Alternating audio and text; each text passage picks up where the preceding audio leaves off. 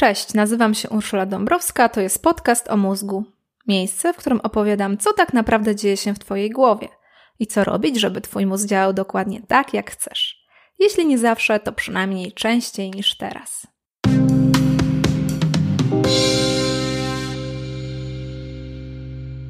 Chciałabym Cię poprosić o zalajkowanie lub obserwowanie strony podcast o mózgu na Facebooku. Możesz też dołączyć do newslettera na stronie www.urszuladabrowska.pl. Ale co najważniejsze, podziel się tym odcinkiem ze znajomym lub znajomą, jeśli tylko uznasz, że temat pamięci jest ciekawy lub pożyteczny. Bardzo mi zależy, aby wiedza o mózgu trafiła do jak największej liczby zainteresowanych. Pomóż mi w tym, jeśli możesz. Dziś chciałabym pochylić się nad tematem pamięci. To dość złożona sprawa, która wiąże się ściśle z uczeniem, myśleniem, planowaniem, a nawet poczuciem własnej tożsamości. Pamięć to więcej niż po prostu archiwum wspomnień. To całokształt doświadczenia. To zdobyte umiejętności, zapamiętane fakty i zebrane wrażenia. Na gruncie tych zgromadzonych przez pamięć informacji wyrastają nasze przekonania. W ogóle pamięć mamy po to, żeby lepiej radzić sobie z wyzwaniami w przyszłości. Dlatego dzięki temu, co zgromadzimy w pamięci, możemy lepiej budować potencjalne scenariusze i tym samym trafniej przewidywać przyszłość. To, co zbieramy w pamięci, wpływa na to, co robimy, jacy jesteśmy, jak kształtuje się nasze życie. Dlatego dzisiaj chciałabym poopowiadać trochę więcej o tym, jak działa pamięć. Od razu powiem, że to nie będzie odcinek skoncentrowany na sztuczkach i technikach. Wiem, że są sprytne sposoby na to, jak lepiej zapamiętywać nazwiska, numery telefonów czy wkuwać materiał do egzaminów. Warto z nich korzystać, a jakże. Ale nie chcę dzisiaj koncentrować się na mnemotechnikach. Jakoś wolę raczej wnikliwie spojrzeć na działanie pamięci i na tej podstawie szukać sposobów, by jak najlepiej z niej korzystać. A zatem zamierzam dzisiaj zrobić takie neuronaukowe podsumowanie, bo myślę, że ta wiedza przyda się również Tobie. A zatem zapraszam do odcinka o uczeniu się, o zapamiętywaniu, zapominaniu i o budowaniu osobistych baz danych. Zacznijmy od konkretów, od dwóch kwestii. Po pierwsze, czym pamięć właściwie jest, i po drugie, gdzie tak naprawdę mieści się w mózgu. Na pierwsze pytanie odpowiedź jest prosta i trudna jednocześnie. Prosta, bo w mózgu wszystko opiera się na połączeniach międzyneuronalnych. Neurony, czyli komórki nerwowe, pracują przez to, że się wzbudzają, to znaczy przekazują impuls nerwowo-biochemiczny. Żadna komórka nerwowa nie pracuje sama, sama z siebie nie ma żadnej racji bytu. Komórka nerwowa ma sens tylko wtedy, kiedy przekazuje impuls, czyli informację innej komórce. Od tego, jak dane komórki czy zespoły komórek są ze sobą połączone, zależy cała praca mózgu. Wszystko, totalnie wszystko. I pamięć nie jest tej kwestii wyjątkiem. Pamięć to utrwalone, czyli trwałe, można powiedzieć stabilne, połączenia między neuronami. Takie połączenia, które zostają z nami na długo, czasem na zawsze. Jeśli tworzysz jakieś wspomnienie albo zapamiętujesz informacje, to znaczy, że gdzieś w Twoim mózgu powstało trwałe połączenie kilku komórek. A biorąc pod uwagę, jaka jest skala w mózgu, to raczej nie kilku komórek, ale kilkunastu, kilkudziesięciu, kilku, kilkuset tysięcy. Taki ślad pamięciowy w mózgu ma nawet swój osobny termin to engram. Nie mylić z gramami, czyli jednostką wagi, bo engram to biologiczna jednostka zapamiętywania, jak na przykład bit informacji w komputerach. Można powiedzieć, że kupujemy cukier na gramy, a informacje zapamiętujemy w engramach. No i teraz możemy gładko przejść do drugiej kwestii, czyli gdzie ta pamięć jest gromadzona. Najpierw powiem Ci w skrócie, a zaraz tę kwestię rozwiniemy. Musisz wiedzieć, że poznawanie pamięci idzie co najmniej dwutorowo. Po pierwsze, psycholodzy i lekarze od lat testują ludzi i analizują, jak człowiek zapamiętuje, uczy się i jak zapomina. I na tej podstawie udało się ustalić wiele faktów na temat działania pamięci. Ale jest też drugi nurt, taki bardziej neurologiczny czy neuronaukowy. Tu punktem wyjścia jest, jak wiesz, badanie mózgu i patrzenie, które części odpowiadają za daną funkcję pamięci. I te dwa podejścia starają się dojść do porozumienia, żeby jak najlepiej i wierniej opisać działanie pamięci. Ale to nie jest zawsze takie proste jednoznaczne. Neuronaukowcom udało się ustalić już na pewno, że do uczenia się i zapamiętywania, a także i przypominania, konieczne jest co najmniej kilka obszarów mózgu. Są to m.in. hipokamp, ciało migdałowate, prążkowie, móżdżek i kora czołowa. To tak w wielkim skrócie – A teraz czas na rozwinięcie. Przyjrzyjmy się teraz dokładnie, jak to całe zapamiętywanie działa. W nauce utrwalił się dość sensowny podział na pamięć krótkotrwałą i długotrwałą. To jasne i naturalne podejście, bo tak właśnie działamy na co dzień. Powiedzmy, że trafiam na jakieś anglojęzyczne słowo, którego nie znam i nawet nie wiem, jak je wymówić. Niech to będzie na przykład putamen. Pierwsze słyszę, ale powtarzam sobie w myśli putamen, putamen, putamen. Wpisuję do wyszukiwarki, sprawdzam wymowę, znaczenie i tłumaczenie na polski. Mogę to wszystko zrobić właśnie dzięki pamięci krótkotrwałej. Przecież nie znam tego słowa, a jednak na chwilę jestem w stanie je sobie obracać w myślach. Tyle, że jeśli coś mnie rozproszy, to putamen uleci błyskawicznie z mojej głowy. Ale na razie to dla mnie ważne, więc mogę przez chwilę przechowywać wygląd tego słowa i jego brzmienie na mentalnym pulpicie, żeby coś dalej z tym kawałkiem nowej wiedzy zrobić. I jak dobrze pójdzie, to słowo zapisze się w mojej głowie na dłużej, w pamięci długotrwałej. A jeśli nie, to sprawdzę je za kilka dni znowu, kiedy trafię na nie w jakimś tekście. Na pewno znasz ten proces z własnego doświadczenia. Pamięć krótkotrwała działa tak do 20 sekund i mówi się, że może przechowywać do 7 kąsków informacji. To jest chyba umowna liczba, bo przecież nie byłabym w stanie przechowywać siedmiu takich totalnie nowych słów w obcym języku. Może siedem rzeczy, które mam kupić w sklepie, może siedem cyfr, ale siedem zupełnie nowych słów, no to już nie. A liczę, że moja pamięć krótkotrwała nie jest jakoś szczególnie upośledzona względem normy. Co ważne i co już wspomniałam, pamięć krótkotrwała jest bardzo podatna na rozproszenia. To dlatego zdarza nam się iść po coś do drugiego pokoju i w drodze zapomnieć, po co cała ta eskapada właściwie była. Pamięć krótkotrwała jest bardzo ulotna i w dużej mierze pokrywa się z tym, co nazywamy myśleniem. Badania przy użyciu rezonansu magnetycznego to potwierdzają. Zarówno myślenie, jak i trzymanie kilku informacji w pamięci krótkotrwałej dzieje się w płatach przedczołowych. To działa tak, że po prostu wyświetlamy sobie na mentalnej tapecie jakieś informacje, powiedzmy te 7 kąsków, 7 obiektów, obrazów czy słów. Tylko 7 naraz i tylko przez maksymalnie 20 sekund. Powiem Ci, że nie za dużo jak na mój gust i moje potrzeby. Na szczęście tu możemy sobie pomóc. Uwaga, uwaga, wiem, że Cię raczej nie zaskoczę, ale najlepszym sposobem, żeby wzmocnić swoją pamięć roboczą są notatki. Mało wystrzałowe, ale działa. Jeśli potrzebujesz operować na kilkunastu, a może nawet kilkudziesięciu informacjach naraz, to daj spokój swojej głowie. To dla niej za dużo. Pięć, siedem, no może dziewięć faktów jednocześnie. Każ sobie obrabiać więcej informacji, a twoje zwoje zaczną się przegrzewać. Być może nie jesteś osobą, która robi notatki, bo zadania, które wykonujesz, wymagają myślenia liniowego. Z jakiegoś A przechodzisz do B, potem to cię prowadzi do C. Rozumiem. A może jesteś takim fachowcem, że na przykład zapamiętujesz od razu dziesiątki faktów ze swojej branży, bo one po prostu osadzają się w Twojej pamięci długotrwałej. Tak też może być. Mimo wszystko podejrzewam, że są takie sprawy, gdzie pamięć krótkotrwała jest Ci potrzebna i wtedy możesz skorzystać z pamięci zewnętrznej. Podam Ci teraz kilka przykładów, jak można omijać ograniczenia pamięci krótkotrwałej i założę się, że korzystasz z tego, choć sama sam tego nie wiesz. Pierwsza rzecz to wspomniane wcześniej robienie notatek. Rodzajów notatek jest milion, ale każda robi właściwie to samo. Przenosi część informacji z głowy na papier albo do pliku cyfrowego. To mogą być listy zadań do zrobienia, zakupy, tabelki typu za i przeciw, mapy myśli, czy nawet niepoukładane strumienie świadomości. No i stare dobre nazwiska, adresy, telefony, piny. Dodam, że są ludzie, którzy traktują rozmowy z innymi jak takie notatki. Opowiadają innym, co robią, nad czym pracują i tak sobie ułatwiają myślenie i żonglowanie informacjami. To bardziej ulotna forma niż zapisywanie, ale niektórzy tak wolą. Druga rzecz, która pomaga naszej pamięci krótkotrwałej i długotrwałej również, to kalendarz. Czy planujesz dzień, tydzień, miesiąc czy rok? Nieważne. Zawsze oddajesz na papier czy do kalendarza cyfrowego część wiedzy. Po pierwsze, całe ramy czasowe, które stanowi kalendarz. Nie musisz pamiętać, że 15 wypada we wtorek, a luty ma tylko 28 dni, bo to robi za ciebie terminarz. A możesz do tego dodać swoją prywatną porcję informacji.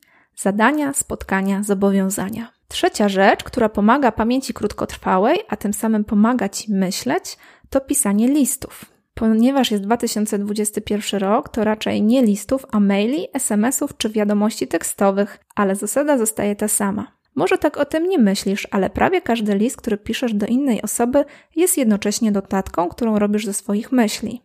W mailu czy liście przekazujesz komuś jakieś informacje, to pewnie cel nadrzędny. Ale dzięki temu, że jakieś fakty zapisujesz, w Twojej głowie uwalnia się część pamięci krótkotrwałej i masz miejsce na myślenie. Ciekawa jestem, czy zdarzyło Ci się dochodzić do jakichś nieoczywistych wniosków pisząc maila. A może masz nawet tak, że siadasz do pisania z jakimś celem, a kończysz mail zupełnie inaczej. Tak się dzieje. To dlatego, że przed pisaniem operowałeś, operowałaś na kilku danych w pamięci krótkotrwałej, a po spisaniu części z tych informacji mogłeś, mogłaś wziąć pod uwagę coś jeszcze. Kolejne 3, 5, 7 kąsków wiedzy. To podsumujmy. Pamięć krótkotrwała pozwala nam myśleć, pozwala wyświetlać na mentalnym ekranie kilka informacji i coś z nimi robić. Jest dość ulotna, ale na szczęście mamy sposoby, żeby ją sobie rozszerzyć. Wystarczy papier i ołówek proste. Dodam, że naukowcy wyróżniają jeszcze pamięć ultrakrótką. To jest pamięć naszych zmysłów. Utrzymuje się zaledwie do pół sekundy. To jest na przykład to, co czujemy przez chwilę na skórze po dotknięciu. Taki cień dotyku, powidok, posmak. Trwa to dosłownie chwilę, ale jest potrzebne, aby mózg miał okazję zarejestrować, że jakiś bociec dotarł do zmysłów. Pamięć ultrakrótka to raczej kwestia percepcji niż zapamiętywania, dlatego opowiem o niej więcej przy jakiejś innej okazji. A teraz krótki test dla Twojej pamięci. Ciekawa jestem, czy zapamiętałeś, zapamiętałaś angielskie słówko, o którym wcześniej mówiłam. Jeśli je znasz, to oczywiście test nie ma sensu, ale jeśli usłyszałeś, usłyszałaś je po raz pierwszy, to bardzo jestem ciekawa, czy potrafisz je powtórzyć. Powiem Ci, że dla mnie to byłoby nie lada wyzwanie, bo jestem wzrokowcem i raczej zapamiętuję to, co przeczytam, niż usłyszę. I jak? Przypominasz sobie? To było słowo putamen, a po angielsku tak bardziej putamen, czyli skorupa, część prążkowia. Brawo, jeśli ci się udało. Mało prawdopodobne, żebyś było, była w stanie taki długi czas utrzymywać to słowo w pamięci krótkotrwałej. Raczej to już kąsek wiedzy, który chce zostać zapisany w Twojej głowie na dłużej. I w ten sposób dochodzimy do pamięci długotrwałej, czyli tego, co w potocznym rozumieniu najczęściej mamy na myśli, mówiąc o pamięci. Pamięć i uczenie się to sprawy ściśle ze sobą związane. Jest nawet taka zbitka jak uczenie się na pamięć. Trochę bez sensu, bo zawsze uczenie się wymaga zapamiętania czegoś. No ale wiadomo o co chodzi. Można uczyć się czegoś ze zrozumieniem, a można kuć bezmyślnie na blachę.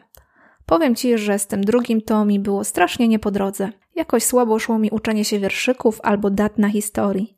Zawsze potrzebowałam wszystko dokładnie zrozumieć i przemyśleć, żeby zapamiętać. Ta strategia sprawdzała się w niektórych przedmiotach, ale na przykład na historii była mniej użyteczna, a już przy uczeniu się wierszy na pamięć chybiona. Mówię Ci to wszystko chyba głównie po to, żeby pokazać, że pamięć długotrwała to też nie jest jednorodna sprawa.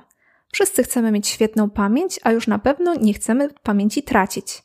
Ale co to właściwie znaczy? Pamięć długotrwała dzieli się na dwa podtypy: pamięć świadomą, deklaratywną oraz pamięć nieświadomą, niedeklaratywną.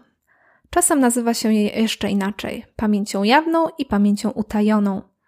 Swoją drogą podoba mi się ta nazwa, bo taka utajona pamięć brzmi jak jakaś niewykorzystana moc, z której możemy zacząć czerpać, jeśli zdamy sobie z niej sprawę. I coś w tym jest, ale opowiem o tym pod koniec odcinka. Pamięć jawna to wszystko, o czym potrafimy opowiedzieć, z czego zdajemy sobie sprawę. Wiemy, że wiemy i potrafimy to odtworzyć. Dzieje się tak dzięki pracy hipokampu, który konsoliduje wrażenia i przekierowuje je do pamięci długotrwałej w korze czołowej. Tam gromadzą się nasze wspomnienia. No i teraz na przykład powiem Paryż. Od razu w Twojej głowie otwierają się najróżniejsze szufladki. Część z informacji to fakty, a część to będą jakieś wspomnienia. Bo jedna rzecz to wiedzieć, że Paryż to stolica Francji, że jest tam Louvre, Mona Lisa, katedra Notre Dame czy wieża Eiffla. Wszystko jasne, ale możesz w pamięci przechowywać także inne skojarzenia. Na przykład takie, że w liceum pojechałaś do Paryża z przyjaciółmi na spotkanie TZ. Jedliście gotowaną soczewicę rozdawaną z kuchni polowej na polach elizejskich. A siedem lat później z nowo poślubionym mężem jadłaś w okolicy łuku triumfalnego gorące krepsy z czekoladą. No dobrze, pewnie o tym raczej nie pomyślisz, bo to moje wspomnienia – ale jest szansa, że masz jakieś podobne. Jeśli nie z Paryża, to może z Berlina, Rzymu, Madrytu, Lizbony. I tak jest z pamięcią długotrwałą. Po części to encyklopedia, a po części kronika czy niekończący się reportaż z życia. Psychologowie i naukowcy nazywają to odpowiednio pamięcią semantyczną, faktograficzną oraz pamięcią epizodyczną, czy inaczej autobiograficzną. No i wiadomo, na czym zależy nam od dzieciństwa najbardziej na szybkim przyswajaniu wiedzy, czyli faktów. Wspomnienia są fajne, ale robią się same, czy tego chcemy, czy nie. Co innego wiedza faktograficzna.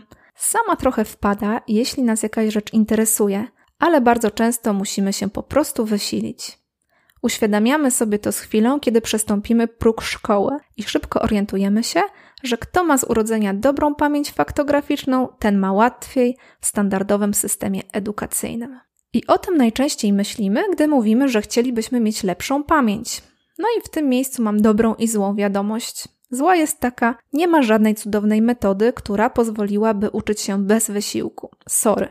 Pamięć faktograficzna, encyklopedyczna, czy jak mówią inni, semantyczna, to stosunkowo młody wynalazek matki natury i kosztuje mózg sporo wysiłku. Ale jest też dobra wiadomość. Mózg jest elastyczny i można go wyćwiczyć we wszystkim, także w uczeniu się i zapamiętywaniu. I teraz wymienię trzy rzeczy, które pomagają zapamiętywać. To po pierwsze powtarzanie, po drugie integrowanie nowego z tym, co już wiemy, a po trzecie powtarzanie. No wiem, słaby żarcik, ale taka jest prawda. Repetitio est mater studiorum. Na pewno zrobię jeszcze nie jeden odcinek o uczeniu się, to wtedy opowiem więcej o tym integrowaniu wiedzy i wspieraniu pamięci. Na razie pozostaje nam powtarzać do skutku. Tymczasem jeszcze parę słów o pamięci autobiograficznej, zwanej też pamięcią epizodyczną. Jedni pamiętają więcej, drudzy mniej. Jedni lubią wspominki, inni żyją tylko przyszłością. Przy tym wszystkim jest jedna rzecz, którą chciałabym tutaj podkreślić. Pamięć autobiograficzna to jest artystka, a nie księgowa. Ja wiem, że chciałoby się wierzyć, że to, co zapamiętujemy, to najczystsza, samysieńka prawda. Przecież gdy wspominamy jakieś wydarzenie, to jesteśmy jego całkiem pewni. Tak było, to powiedziałeś, to on zrobił, taka ryba. No ale niestety, nasza pamięć nie działa jak kamera. Jest raczej kreatywnym montażystą, który jak nie ma jakiegoś ujęcia, to sobie dorobi. Jak mu brakuje ścieżki dialogowej, to podłoży z innego wydarzenia. A poza tym bardziej zależy mu, żeby zrobić zgrabny klip, niż po kolei i dokładnie zmontować wszystkie wydarzenia w odpowiedniej kolejności. Nie powiem, że pamięć to oszustka, bo to może za mocne sformułowanie, ale pamięć naprawdę nonszalancko podchodzi do szczegółów. Bardziej niż detale ceni sobie całokształt. Więc te wspomnienia, które masz z dzieciństwa, młodości, a nawet z ostatniej rozmowy z szefem, to wiesz, takie bardziej luźne impresje są niż rzeczowy raport. Korzystaj z nich, ale z ograniczonym zaufaniem. To zjawisko zbadano już na wiele sposobów i dziś już wiadomo, że człowiek praktycznie nie jest w stanie zapamiętać i odtworzyć żadnego złożonego wydarzenia w wierny sposób. Przede wszystkim odsiewa to, czego nie do końca rozumie, co nie jest logiczne, co się nie skleja w całość. Po drugie, nadaje znaczenie na podstawie własnych założeń, humoru w danej chwili, uprzedzeń. Wybiera pewne wątki, a odrzuca inne, gdy jest ich za dużo. Czasem skupia się na tym, co widzi, a czasem na tym, co dociera do jego uszu.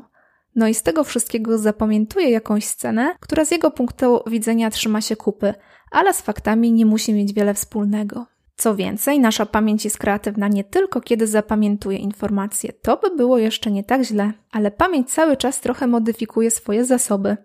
Jeśli sobie coś przypominasz, na przykład opowiadasz jakieś wspomnienie, to je za każdym razem odrobinę zmieniasz. Wyobraź sobie, że działa to trochę tak, że wyciągasz fotografię z albumu, ale za każdym razem coś domalowujesz, coś wycinasz albo nakładasz jakiś filtr. Trochę oryginalnej fotografii zostaje tak jak było, ale trochę zawsze się zmienia. Na marginesie powiem tylko, że ten mechanizm jest wykorzystywany w czasie psychoterapii. Różne są metody pracy terapeutycznej. Bardzo często elementem terapii jest właśnie sięganie do wspomnień i odkładanie ich na półkę w odrobinie zmienionej formie. I nie chodzi o zmianę faktów, tylko raczej emocjonalnego filtra, który do danego wspomnienia użyliśmy, gdy je zapamiętywaliśmy. Za ten emocjonalny filtr odpowiada ciało migdałowate. To struktura w mózgu, która sprawia, że do wspomnienia jest dodawany emocjonalny aspekt. Jeśli jakieś wydarzenie budziło w tobie złość, strach, żal, smutek czy poczucie winy, to ciało migdałowate dodało taki znacznik do twojego wspomnienia. Nazywam to znacznik, filtr, aspekt czy etykieta, ale to nie jest takie ważne. Ważne, że wiesz o co mi chodzi. Wspomnienie składa się nie tylko z jakiejś opowieści, jakiegoś wydarzenia, ale także tego, co czułeś wobec tego, co się wydarzało. Terapia pomaga, bo pozwala takie wspomnienie zapamiętać z nowym filtrem, z nowym albo z lżejszym znacznikiem. To oczywiście metafora i mam nadzieję, że jeśli słucha mnie jakiś psychoterapeuta, to nie łapie się teraz z oburzeniem za głowę. Nie chcę się tu wymądrzeć na temat psychoterapii, do której mam wielki szacunek. Chodzi mi raczej o pokazanie, że pamięć i wspomnienia to nie jest żaden sztywny zapis. To nie są rzeczy wykute raz na zawsze w kamieniu. Wspomnienia, tak jak mózg, są plastyczne i mogą być poddawane powtórnej redakcji. No i teraz możesz użyć tej wiedzy, gdy rozmawiasz z kimś i wydaje ci się, że ta osoba mija się z prawdą. Pamiętaj, że zarówno ty, jak i on, ona mogliście być świadkami tego samego wydarzenia, tej samej rozmowy, a i tak zapamiętać jaskrawo różne rzeczy. I prawdopodobnie nikt tu nie kłamie i nikt nie nagina rzeczywistości ze złą wolą. Po prostu pamięć płata figle i to częściej niż jesteśmy w stanie to zauważyć. A na koniec zostawiłam najbardziej tajemniczy aspekt pamięci. To pamięć utajona, niedeklaratywna. Przede wszystkim warto sobie uświadomić, że dużo, może nawet większość rzeczy zapamiętujemy w sposób nieświadomy. A jednak gdy mówimy o pamięci, to myślimy raczej o tym, co potrafimy ująć słowa, czyli to, czego jesteśmy świadomi. I o pamięci deklaratywnej opowiadałam do tej pory. Ale to naprawdę nie jest wszystko. Przecież wiele rzeczy, które robimy, w ogóle nie poddaje się narracji. Możemy próbować, ale to trochę bez sensu. Weźmy takie jeżdżenie na rowerze, zaplatanie warkocza, zawijanie sushi, a nawet zakładanie skarpetek. To nie są umiejętności wrodzone, żeby je umieć musimy się nauczyć, czyli przechowywać gdzieś w pamięci schematy działania. Ale w przeciwieństwie do stolic europejskich państw, nie umiemy przywoływać z pamięci i recytować przepisu nawiązania sznurowadeł. I to psychologowie nazywają pamięcią proceduralną. Pamięć proceduralna to część pamięci niejawnej, choć tu ta nazwa trochę nie pasuje, no bo wiemy, że umiemy jeździć na rowerze, nie wiemy tylko jak to opisać. To dlatego, że nie uczyliśmy się tego przez język mówiony, ale przez ciało. Taką wiedzę gromadzimy w prążkowiu i muszczku. O formowaniu się schematów ruchowych i nawyków opowiedziałam w odcinku 13 pod tytułem Neurobiologia nawyku. Pamięć niedeklaratywna, utajona to wszystkie rzeczy, które umiemy robić, choć nie do końca wiemy, że umiemy. Ale mnie najbardziej fascynuje ta całkiem utajona pamięć, czyli te wszystkie rzeczy, których się nieświadomie nauczyliśmy i nieświadomie powtarzamy. Naukowcy też się teraz tym ekscytują, szczególnie w kontekście tak zwanego uczenia się społecznego. I to jest naprawdę bardzo ciekawe. Okazuje się, że nasiąkamy wiedzą, schematami zachowania i myślenia w sposób dużo bardziej nieświadomy niż nam się zdaje. Tak się dzieje w dzieciństwie, ale nie tylko. Powiedzmy, że wychowujesz się w standardowej polskiej rodzinie. Mama uczy cię, żeby mówić dzień dobry, dziękuję i przepraszam. To zauważasz i ona i ty wiecie, że tego jesteś uczona, uczona. Ale żadne z was nie zauważa, jak wiele rzeczy uczysz się od małego na temat relacji międzyludzkich i praw rządzących interakcjami. Weźmy na przykład to, jak blisko podchodzisz, gdy się z kimś witasz. Mama mówiła, że masz spojrzeć w oczy, wyciągnąć rękę i się uśmiechnąć, ale pewnie nie powiedziała, że masz stanąć najpierw w odległości dwóch metrów, a potem jeszcze się zbliżyć, żeby uścisnąć dłoń. Tę prostą choreografię przyjmujemy w dzieciństwie w przybliżonej wersji i zupełnie nie wiemy, że w ogóle tak się nauczyliśmy i że to powtarzamy. To pozostaje utajone w naszej pamięci utajonej, ale działa do czasu, gdy nie zdarzy nam się pojechać do jakiegoś południowego kraju, gdzie powitanie odbywa się na odległość 5 cm, często z dużym kontaktem fizycznym. Nagle okazuje się, że coś robiliśmy w szczególny sposób, ale można inaczej. I tak utajony schemat staje się jawny. Druga sytuacja, kiedy niedeklaratywne uczenie społeczne działa na całego, to pierwsze miesiące w nowej pracy. Na pewno jest 100 spraw, które musisz ogarnąć, obieg dokumentów, nazwiska, twarze ludzi, Twoje zadania, czy nawet po prostu rozkład biura. Ale uwierz mi, Twój mózg uczy się jednocześnie wielu innych rzeczy z warstwy relacji, której sobie nie uzmysławiasz. To są tak zwane niepisane zasady, ale nie dość, że są niepisane, to często nie są nawet nazwane. Nikt ci o nich nie powie, bo nikt nie ma nawet świadomości, że takie zasady w ogóle są. Możesz się zorientować, a możesz po prostu nieświadomie dostroić, bo twój mózg zauważy i zapamięta to, co trzeba, bez udziału twojej świadomości. Po kilku tygodniach już wiesz, że okien się nie otwiera, drzwi do pokojów muszą być zawsze otwarte. Jak ktoś idzie do spożywczego, to się pyta, czy ktoś coś potrzebuje, ale jak idzie do bistro na obiad, to już milczy. Można się spóźnić 15 minut, ale nie należy wychodzić przed 17. Albo zupełnie inaczej, punktualność z rana to priorytet a po południu wszyscy się rozluźniają. I takich rzeczy jest naprawdę wiele. Najwyraźniej widać je właśnie, gdy zmieniasz pracę i dostrajasz się do nowych warunków, ale możesz ich w ogóle nie zauważać, a i tak się dostroisz. Najważniejsze, że się uczysz nowego, a Twoja pamięć utajona dostaje nową porcję wiedzy do zmagazynowania. Bo wiesz, właściwie o to mi właśnie chodzi. O to, że im więcej się nauczysz, tym lepiej. Mózg jest plastyczny, ale tylko gdy się tę plastyczność stymuluje. Wysłuchaj jeszcze odcinka 11 pod tytułem Neuroplastyczność wymiata. Tam tłumaczę z innej perspektywy, dlaczego warto się nieustannie uczyć. Im więcej wiesz, im więcej umiesz, tym łatwiej będziesz uczyć się nowych rzeczy i tym dłużej zachowasz sprawność intelektualną na starość. Więc nie ustawaj w rozwoju i ładowaniu pamięci w każdy sposób.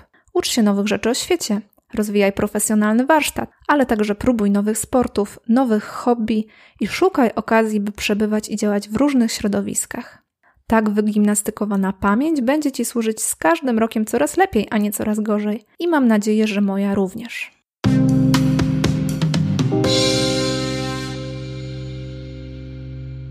Dziękuję Ci za wysłuchanie tego odcinka. Jeśli chcesz więcej informacji na mój temat, zapraszam Cię na stronę www.urszuladabrowska.pl. Znajdziesz tam mojego bloga oraz opisy moich książek. Zapisz się do newslettera, a informacje o nowych odcinkach będą wpadać prosto na Twoją skrzynkę mailową. Podcast o mózgu jest także na Facebooku. Zapraszam do polubienia strony i kontaktu. Tymczasem do usłyszenia. Dobrego dnia, dobrej nocy. Ula.